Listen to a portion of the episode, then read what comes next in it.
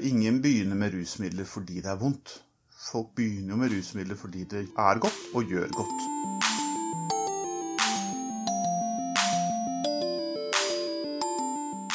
Hei, og velkommen til Sykepleiens podkast, som skal handle om avhengighet.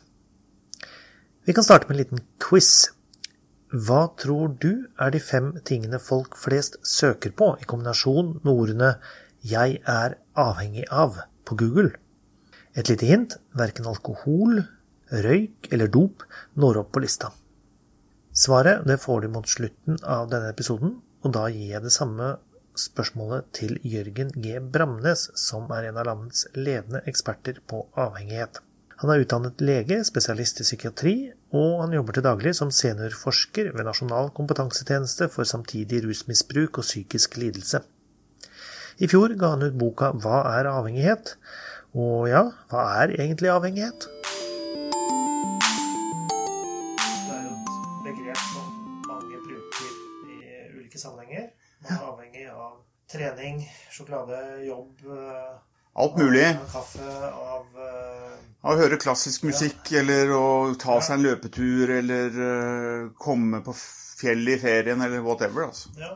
Det er mange ting som folk bruker det begrepet om. Er det misbruk av begrepet? Ja, Nå skal ikke jeg være for normativ i, og, og, og, påståelig og faglig nerdete i denne sammenhengen her, men, men eh, For folk bruker jo den type begreper eh, om sånn psykiatriske begreper om, om, mange ting, og det er liksom litt sånn som det er blitt. Eh, men, men, hvis vi skal snakke korrekt, så er, det, er jo avhengighet en klinisk definert terme som, hvor du skal ha visse kriterier oppfylt for å, for å få diagnosen. Eh, men så er det jo slik at det fins elementer av avhengighet, og kanskje i veldig mange av de tingene vi snakker om her, så fins det eh, klare elementer og paralleller til avhengighet. Så, så det er strengt tatt feil, men så er det litt riktig også. Men det fins noen kriterier. Mm.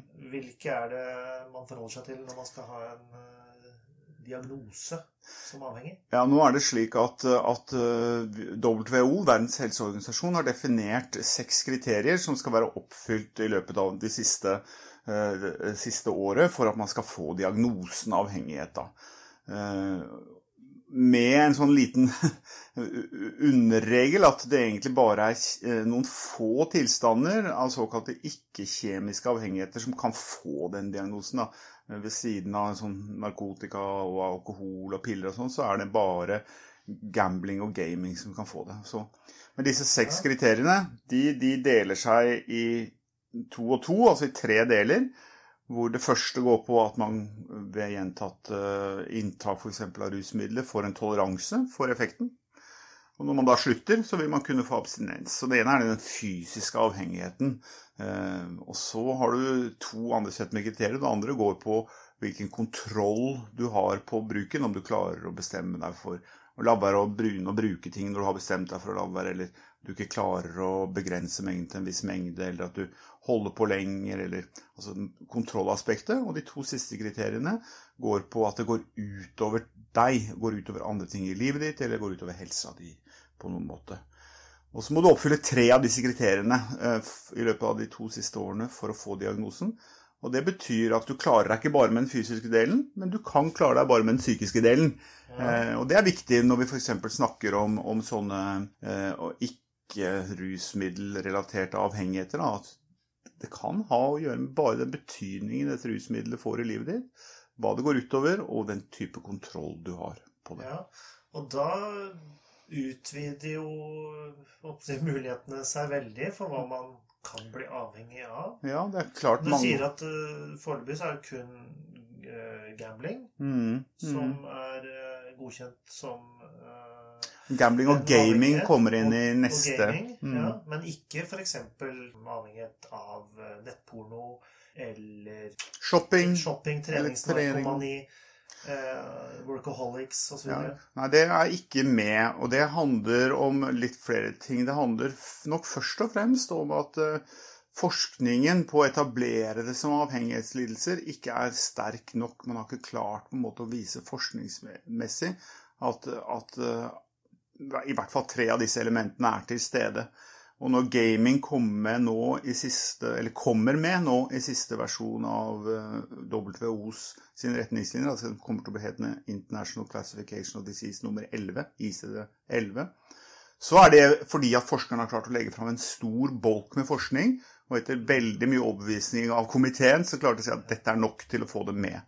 Men det, det kreves ganske mye for å få det med, slik at uh, det er manglende forskning som er hovedutfordringen for en del av de tingene vi nevnte. Da. Men forskes det på noe som ja, kan Ja, det forskes på en del. Blant nettavhengighet generelt forskes det jo en god del på. Uh, og, og det er jo stadig fremme i avisen at liksom når man har funnet ditt og datten det er klart Folk kan bli så avhengige av å bruke sosiale medier, nettet, mobiltelefonen, at det går utover andre ting i livet deres. Det, det ser vi jo. Jeg, jeg, kjenner mange folk som bruker eh, jobb eh, på samme måten som andre er avhengig av alkohol. Det finnes avhengighetselementer i, i, veldig mange ting. Jeg behandler noen med spiseforstyrrelser, og det syns jo det er klart at Eh, i mye bulimisk atferd, f.eks., det å overspise og kaste opp, så kan man se klare avhengighetselementer.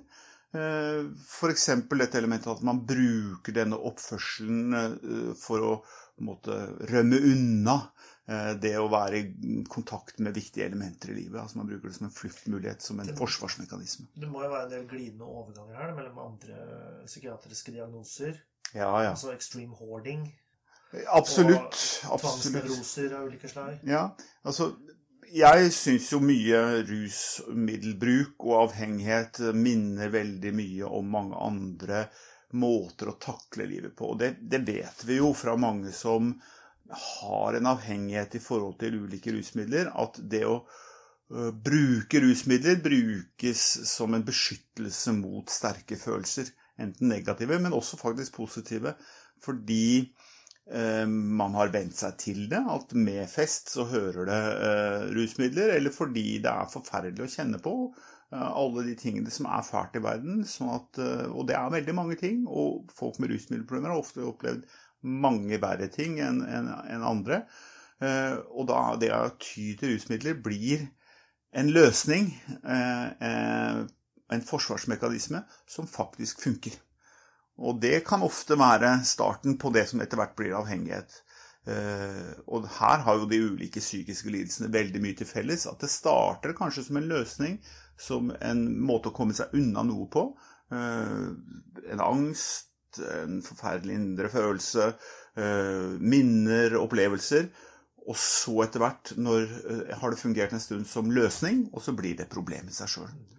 Alkohol er fantastisk til å løse en sosial angst. Du, umiddelbart forsvinner jo den sosiale angsten, og så etter hvert så blir løsningen i seg selv et problem. Det er jo en del rusmidler som gir en positiv opplevelse i seg selv. Det er en nytelsesaspekt ved det. F.eks. Eh, alkohol. da. Ja, absolutt. Eh, jeg vil tro at for de fleste eh, rusmidler så er det både positive opplevelser og historier rundt de positive opplevelsene. Eh, en slags sånn eh, eh, mytologi rundt, rundt, hva dette er og betyr. Som handler om, om de opple positive opplevelsene folk har fått når de har brukt rusmidlene. Men også identitetsting som handler om at jeg er en som bruker disse rusmidlene, eller dette rusmiddelet, og det er positivt på så mange måter. Eh, det er eh, mange Altså, jeg er sikker på at de fleste Jeg kjenner jo ikke alle rusmiddelbrukere, men jeg tenker de fleste vil ha på en måte gode historier rundt rusmiddelbruken sin. Både fordi man skaper seg mening, og fordi det oppleves faktisk som godt en veldig god stund å bruke disse rusmidlene. Og det er typisk ved alkohol, ikke sant? Hvor, hvor, hvor det er kjempesvære det er milevis med bøker som forteller om, om, de positive sidene. Hva er de viktigste risikokriteriene for å bli avhengig? Implisitt i spørsmålet ditt så ligger det at vi har forskjeller i hvor utsatt vi er for å bli avhengige. Og det er det mange eh, eh studier som viser at Eh, når Per og Pål og Espen eh, inntar samme mengde alkohol, så er det bare Per som blir eh, avhengig. Mm, Pål og Espen de klarer seg veldig godt. Slik at noen er mer sårbare gitt samme eksponering sammenlignet med andre. Og, og, og, og, her som ellers så betyr arv en veldig stor del. Vi er en stor arvelig komponent i alle typer avhengighetslidelser. Da snakker du om genetisk arv, ikke ja. det at man har vokst opp Nei, jeg snakker om genetisk arv først, først og fremst. Uh, kanskje så mye som 50-70 er litt avhengig av type avhengighet. Uh, uh, en, er biologisk arv, altså genetisk arv. Men det betyr jo ikke at vi er, vi er jo ikke styrt av dette. Det er jo en ganske stor prosent på toppen som er vår frie vilje, og som er andre hendelser. Og da er det jo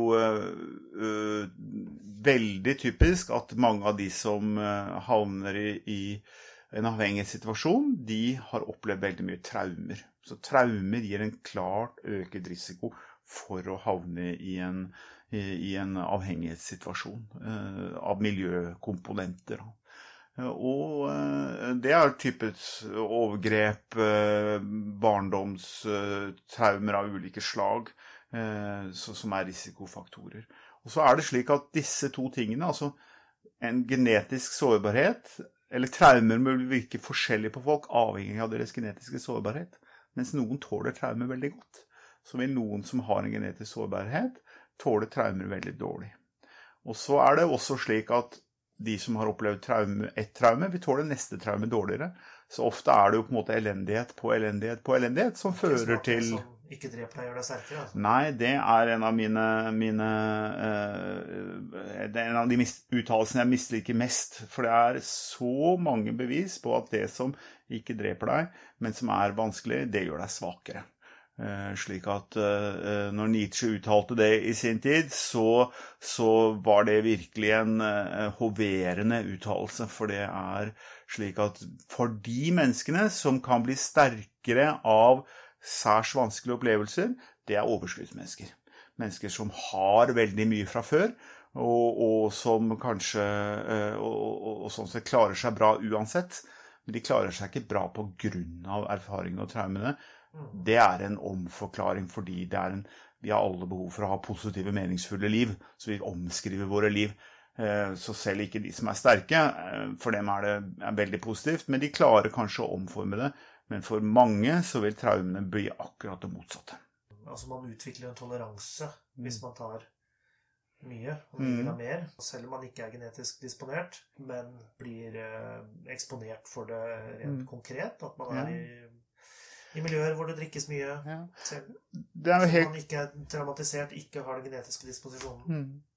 Det er jo ikke noe tvil om at uh, det, er veldig, det er ingen som blir alkoholavhengig der hvor det ikke er alkohol du må jo eksponeres for rusmidler for å bli avhengig av det. Uh, og det er ikke bare sånn on-off. Uh, jo mer alkohol er tilgjengelig, jo lettere er det å utvikle et problematisk forhold til alkohol. Jo større restriksjoner det er på alkoholbruken, jo vanskeligere er det. Og det ligger jo til grunn for vår alkoholpolitikk, uh, eller røykepolitikk, eller for så vidt også narkotikapolitikk. Så kan man spørre seg om, om, vi gjør det på rette måten, men i hvert fall har vi en forståelse av at det å begrense tilgang, det vil redusere risikoen i større eller mindre grad for at folk skal få problemer med rusmidlene eh, eller avhengighetsskapende stoffer, deriblant også avhengighet. Eh, så det er klart det at det å være Og dette stemmer. Så det å være i et miljø med mye rusmidler, det vil øke risikoen for at du kommer borti rusmidler. Og det vi ser, er jo at en utløsende faktor for rusmiddelbruk veldig ofte er at man er i miljøer hvor det, hvor, det, finnes rusmidler. Eh, da kommer man i kontakt med det, man kan prøve det, og for noen vil det da føre til avhengighet. For de fleste vil det ikke det.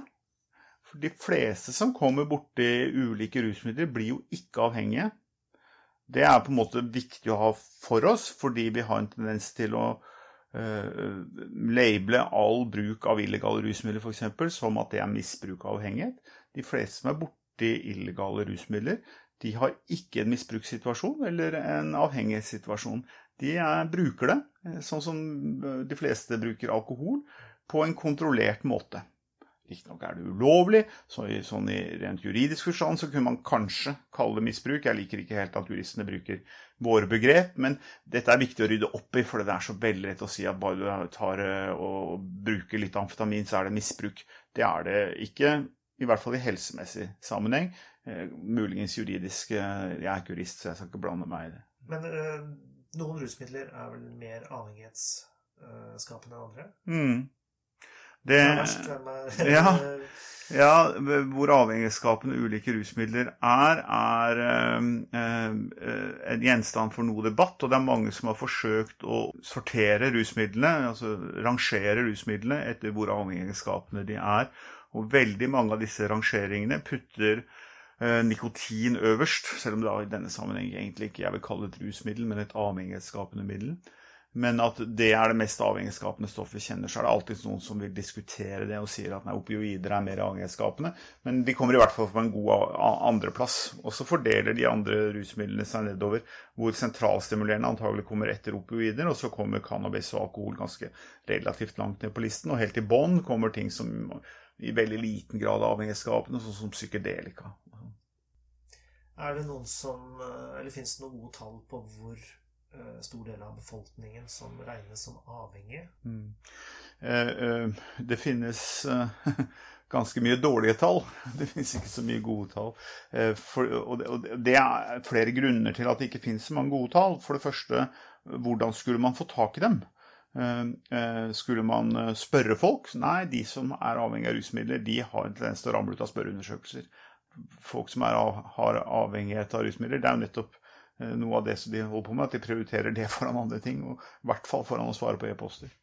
Ellers så kunne man jo tenke at man gikk til, eh, til pasientregistrene og så på hvor mange pasienter er det. Nei, det er også ganske dårlig, for de aller færreste med avhengighet kommer til behandling. Mm, hvis vi ser på alkohol, så tenker vi at kanskje så mye som så lite som, som 5-10% av de som har alkoholmisbrukslidelser eller alkoholbrukslidelser, de kommer til behandling. Så, så hvor mange som er i i Norsk pasientregister er også dårlig. Og sånn kunne du gå gjennom kilde etter kilde og si at nei, det er vanskelig å skaffe statistikk. Derfor har vi, eh, noen av oss som forskere, forsøkt å anslå da, ved hjelp av ulike kilder hvor mange kan det være snakk om. Og da har man kommet til tall som eh, at vi ligger rundt en 200 000-300 000 som har en alkoholavhengighetsdiagnose til enhver tid.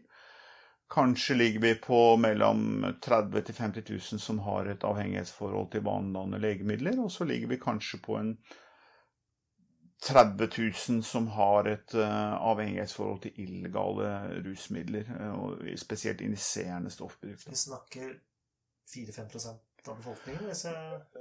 Ja, om ikke mer. Jeg tror vi, Hvis vi summerer opp alt dette Og nå er ikke dette eh, grupper som, som, er helt uavhengige av hverandre. For her har du først den ene, så kan du godt ha med den andre. Men vi snakker fort vekk om en 400 000 mennesker. Eh, så vi, vi, er nok over, over 5 ja, men under 10 Er det en stor forskjell på å drikke for mye og være avhengig av alkohol? Um, dette er jo fenomener Det å drikke mye og det å være avhengig av alkohol er jo fenomener som er veldig høyt korrelert, som vi sier forskere. altså At, at de, de, henger i hop. De som er avhengige, drikker mer enn de som ikke er avhengige. Men eh, du kan ikke bestemme avhengighet bare ut fra mengde du drikker. Eh, det fins folk som drikker overraskende mye uten å være avhengige. Og det fins folk som drikker overraskende lite og er avhengige.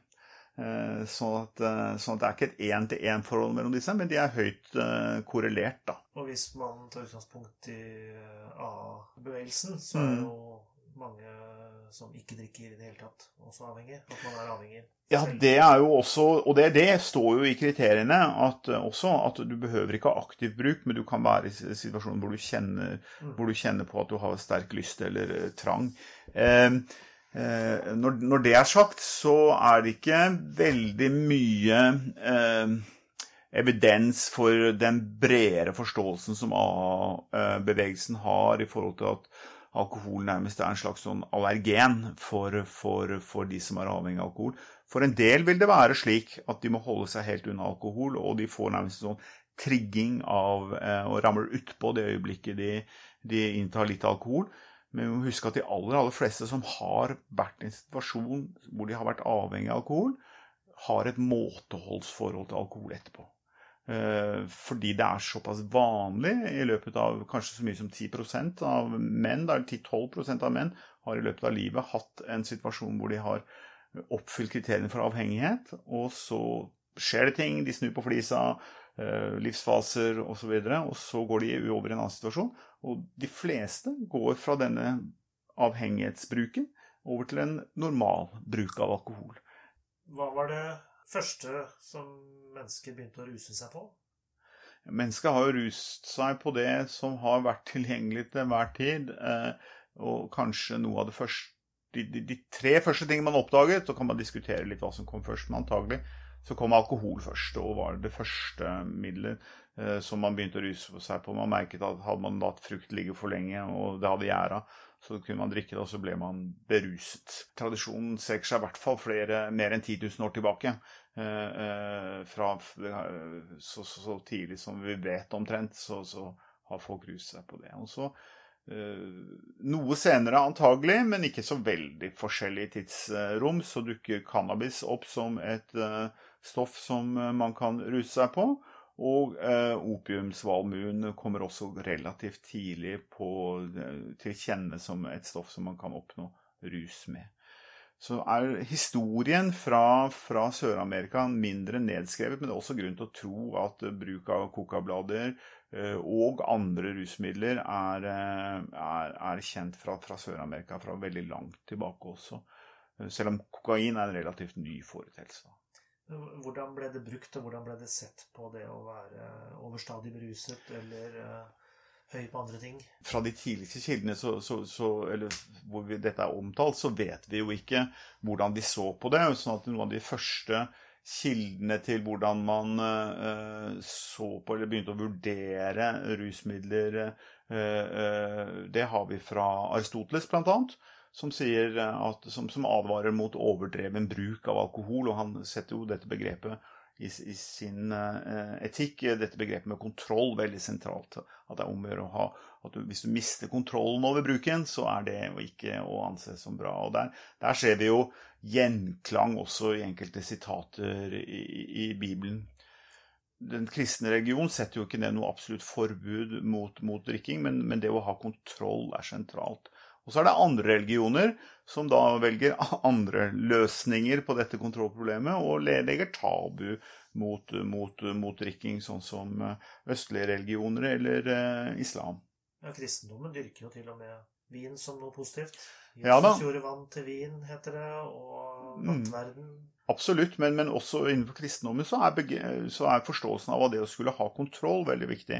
Slik at, og det her går jo den kristne etikken og, og, og, og, de gamle greske filosofer litt sånn hånd i hånd med, med, med, med samme type tankegods.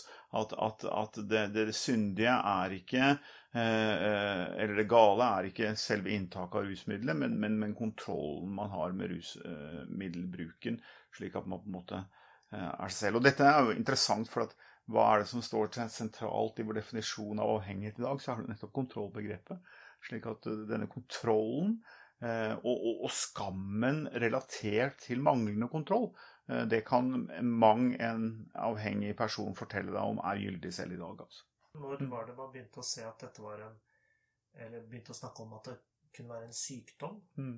Ja, det er jo interessant, fordi at uh, fra tidligere tider, og når jeg snakket om at dette hadde med kontroll å gjøre, så ble jo ansvaret for å ha denne kontrollen lagt til enkeltindividet.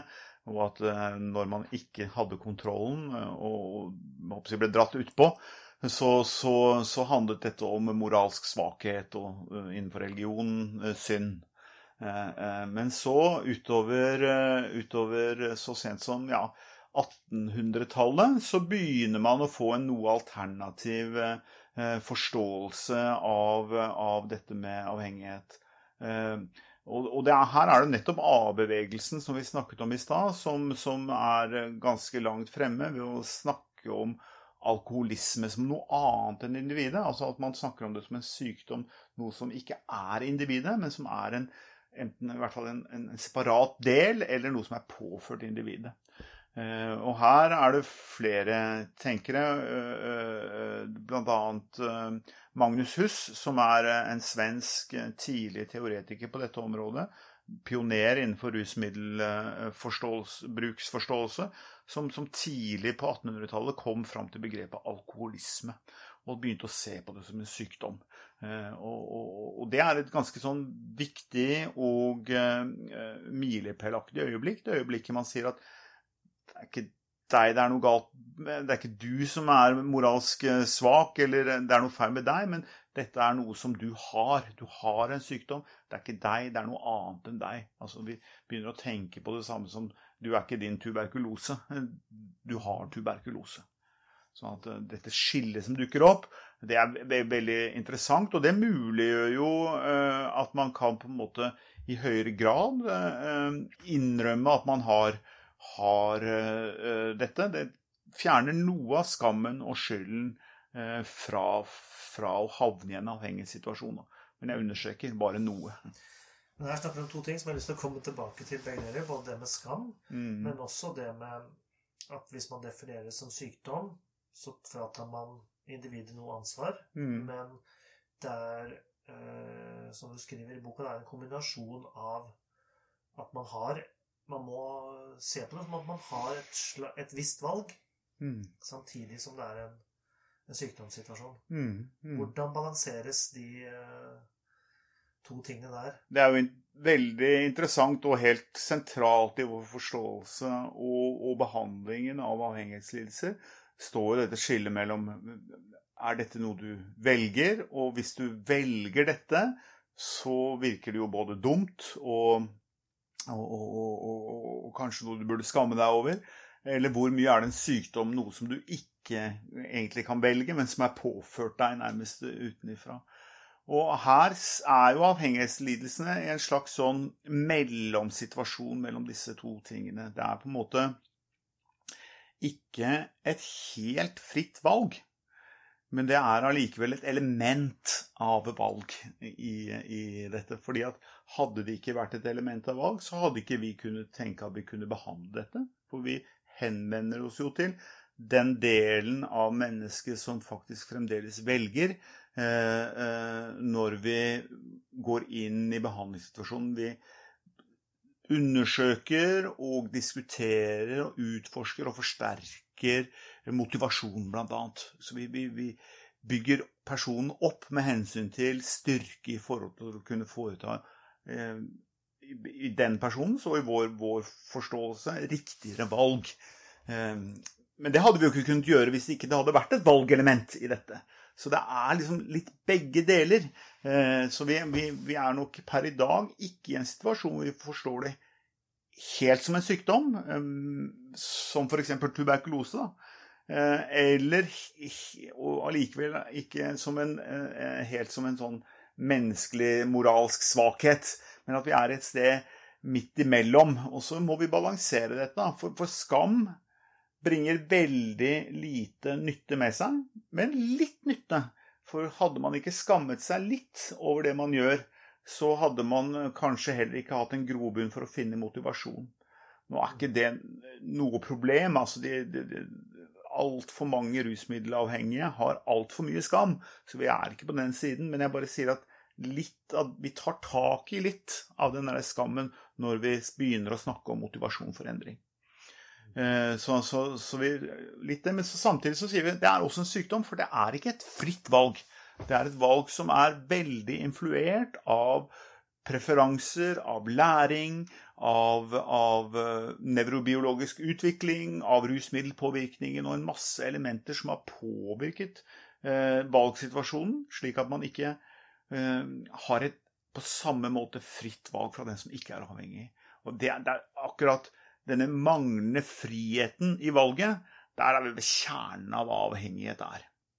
Du jobber jo spesifikt eh, med de som både har eh, psykiske lidelser og rusmiddelavhengighet. Mm. Hvilke forbindelser er det man ser der? Sammenhengen mellom ø, psykisk lidelse og rusmiddellidelse er tett og interessant. Eh, det er jo ikke noe tvil om at personer med psykiske lidelser har mye oftere rusmiddellidelser, og personer med rusmiddellidelser har mye oftere psykiske lidelser enn normalbefolkningen. Og kanskje mest sammenheng på den måten at folk med rusmiddellidelser nesten alltid har en psykisk lidelse i tillegg. Men dette er tett forbundne saker. Og, denne overhyppigheten kan, ikke skyldes tilfeldigheter. Så det må være noe som gjør at de, de, de henger i hop på et eller annet vis. Og da er det jo egentlig vist gjennom god forskning at det er alle mulige sammenhenger her. Både at psykisk lidelse kan gi uh, rusmiddelproblemer. Bare tenk på hvordan sosial angst lett kan behandles med alkohol. Hvis man gruer seg forferdelig til å gå inn i en eller annen sosial sammenheng, så er det faktisk at, slik at den sosiale angsten dempes av alkohol. Og som vi var inne på tidligere, vel, så kan det da føre til at du utvikler et alkoholproblem. Og mange som har alkoholproblemer, har stor sosial angst. Det, det vet vi. Eller motsatt. Hvis du ruser deg på amfetamin over mange år, så vil en del folk bli psykotiske, og en del folk utvikle også primærpsykotiske lidelser, slik at rusmiddelbruken kan gi eh, en psykisk lidelse. Og så er det mye forskning som tyder på at det kan være en felles bakenforliggende faktor. At man arver på en måte en genetisk sårbarhet både for psykisk lidelse og for eh, en rusmiddellidelse. Eller at det kan f.eks. være ting som traumer, som vi vet eh, Som det er miljøfaktorer som vi vet både eh, øker risikoen for psykisk lidelse, sånn som angst, depresjon, og for rusmiddellidelse. Fordi en del gjenopplevelser bl.a. Eh, oppleves som mindre traumatisk hvis man ruser det bort. Så, så, her er det på en måte alle mulige slags sammenhenger. Og, og, og noe av det vi holder på med innenfor behandling, er jo å prøve å finne ut hva som var først. For det er litt viktig, men bare litt viktig, hva som kom først. Eh, eh, hvis det er sånn at du har en rusutløst psykose, så kan man tenke seg at det å slutte med rusmidler er det viktigste, og ikke det å skulle behandle psykosen. Men så viser det seg samtidig at har du psykose, selv om den er utløst av rusmidler, så er det viktig å behandle psykosen for å ikke øke sjansen for å få ny psykose. Og eh, hvis du har en depresjon som egentlig er utløst mest av alkohol, vel, så blir du friskere av alkoholbruken din hvis du også behandler depresjonen samtidig, og ikke venter til du har løst alkoholproblemet. Så, så, det vi sier per i dag, og det er hevet over tvil, er at det er integrert behandling som, som nytter. At man, man, tar tak i begge problemene. Det er klart, er du veldig rusa i øyeblikket, så må du avruses. Men, men, men, du kan ikke vente med å behandle den psykiske lidelsen til du er kvitt avhengigheten, f.eks.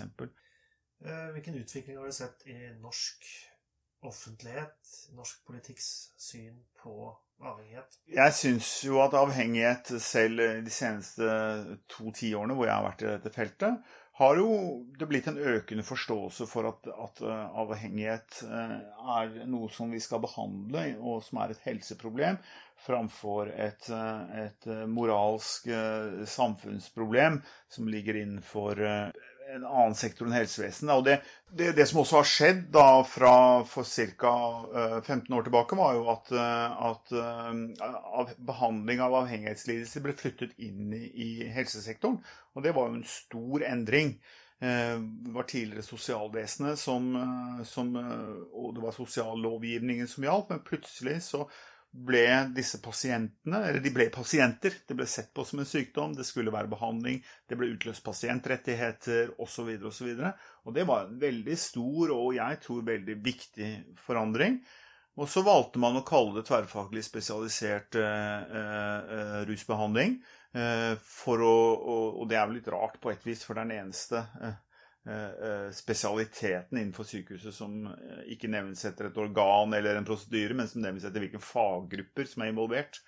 Men det skulle være der for å illustrere at dette er ikke tross alt en tradisjonell medisinsk spesialitet, men noe vi må jobbe med tverrfaglig. Og, og, og signalisere for så vidt at, at, ja, det er flyttet inn i helsevesenet. Vi ser mer på det som en sykdom. Folk som har disse lidelsene, er pasienter. Men det er allikevel eh, et litt annet element ved denne eh, tilstanden enn det er med vanligvis ved sykdom. Da. Har det blitt mindre skambelagt å være avhengig? Om det har blitt mindre skambelagt å være avhengig, ja, det er et knallgodt spørsmål. Jeg tror hvis du spurte folk som hadde uh, ulike avhengighetslidelser, så ville de sannelig ikke lett kunne bekrefte det. Det er eh, nok slik at eh, folk daglig føler på skammen. Men forhåpentligvis så er det slik at uh, terskelen for å søke behandling og for å komme ut med at man har et problem, noe lavere. Men jeg tror heller Jeg tror fremdeles er det en lang vei å gå. For jeg tror de fleste som har en avhengighetsproblematikk, og som sitter der veldig ofte ganske aleine om dette, vil fortelle deg at her er det rikelig med skam. Her er det rikelig med følelser av at dette her er eh, ikke noe som jeg kan fortelle til noen, noe som jeg må holde hemmelig. Det har jeg sett mange, mange eksempler på. Mm. Og det er jo forskjell på å stå fram med at man bruker noe, og at man uh, har mistet kontrollen over den bruken. Mm.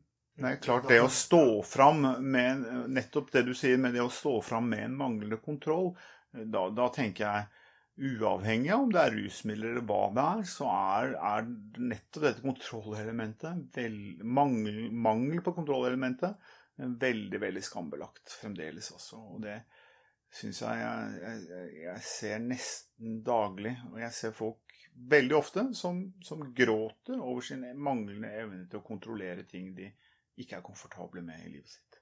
Eh, ruspolitikken har jo tatt mye utgangspunkt i Gateway teorien. Mm. Hva er dens eh, Kan du si først hva den går ut på? Og så hva er styrker og svakheter ved den? Altså, Gateway-teorien eh, har gjort den observasjonen at eh, hvis du ser på folk som uh, ikke har brukt noen rusmidler, så har de en viss fare for å havne i eh, f.eks. heroinbruk. Eh, og så ser du på en gruppe som har brukt ett rusmiddel, så ser du at de har enda større fare for å havne i denne situasjonen. Hvis de har brukt flere rusmidler, så har de enda større sjanse, osv. osv. Det er en sånn, sånn trappetrinn opp, hvor, hvor, på en måte hvis du har gått én trapp, så øker sannsynligheten for å gå opp til neste trappetrinn, og så øker sannsynligheten for neste, osv. Og det er jo på mange måter en god observasjon. Det, for hvis du ser på folk som f.eks. er avhengig av eh, heroin, så ser du at de ofte har begynt å bruke Eh, et, et, et, rusmiddel når de har vært ganske unge, og så har det jo vært en sånn karriere hvor det ene følger det andre. Eh, så, som en observasjon så stemmer det, men eh, nå er det jo slik at de aller, aller færreste som står på det første trinnet, vil gå videre til neste trinn. Og hvem det er som går videre til neste trinn, at det først og fremst er at de har kommet til første trinn som avgjør at de går til neste trinn? Nei, det er det i veldig liten grad. Eh, eh, og, og eh, det fins på en måte veldig lite vitenskapelig evidens for at, for at, det er en sånn trapp som man går etter.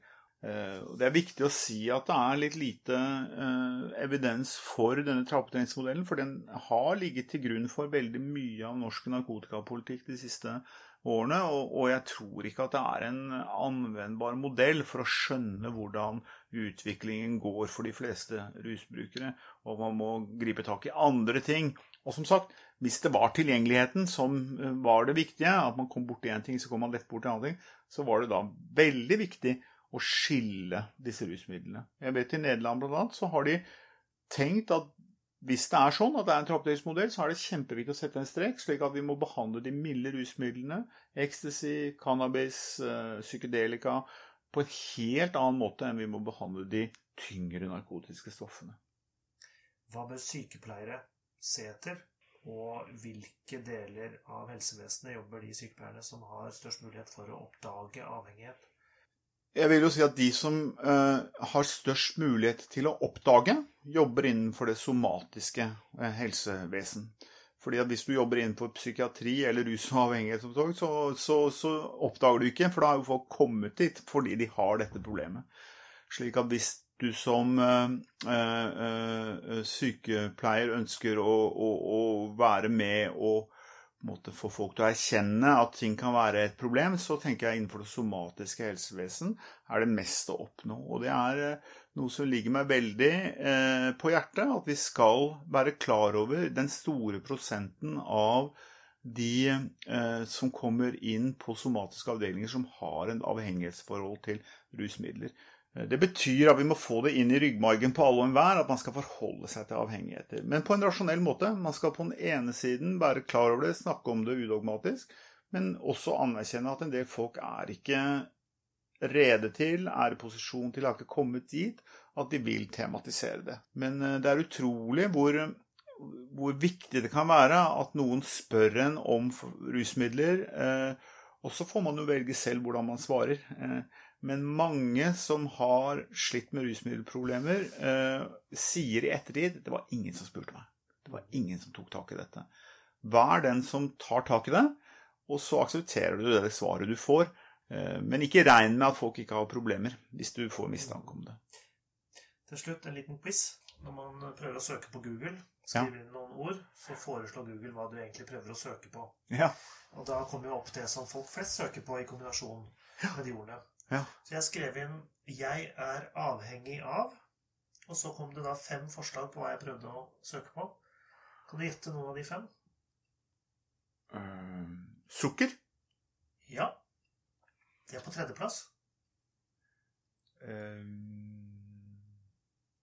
Trening? Nei. Nikotin? Nei. Få to forsøk til. Alkohol? Nei. Uh, musikk? Nei. De, er, de fem er mobilen, kjæresten, sukker, nesespray, sjokolade. Ja, to av de har jeg jo da blitt intervjuet om uh, tidligere, og det er Kan du gjette hvilke to det er? Nesespray og mobilen. Nei, nesespray og sjokolade, faktisk. Mm.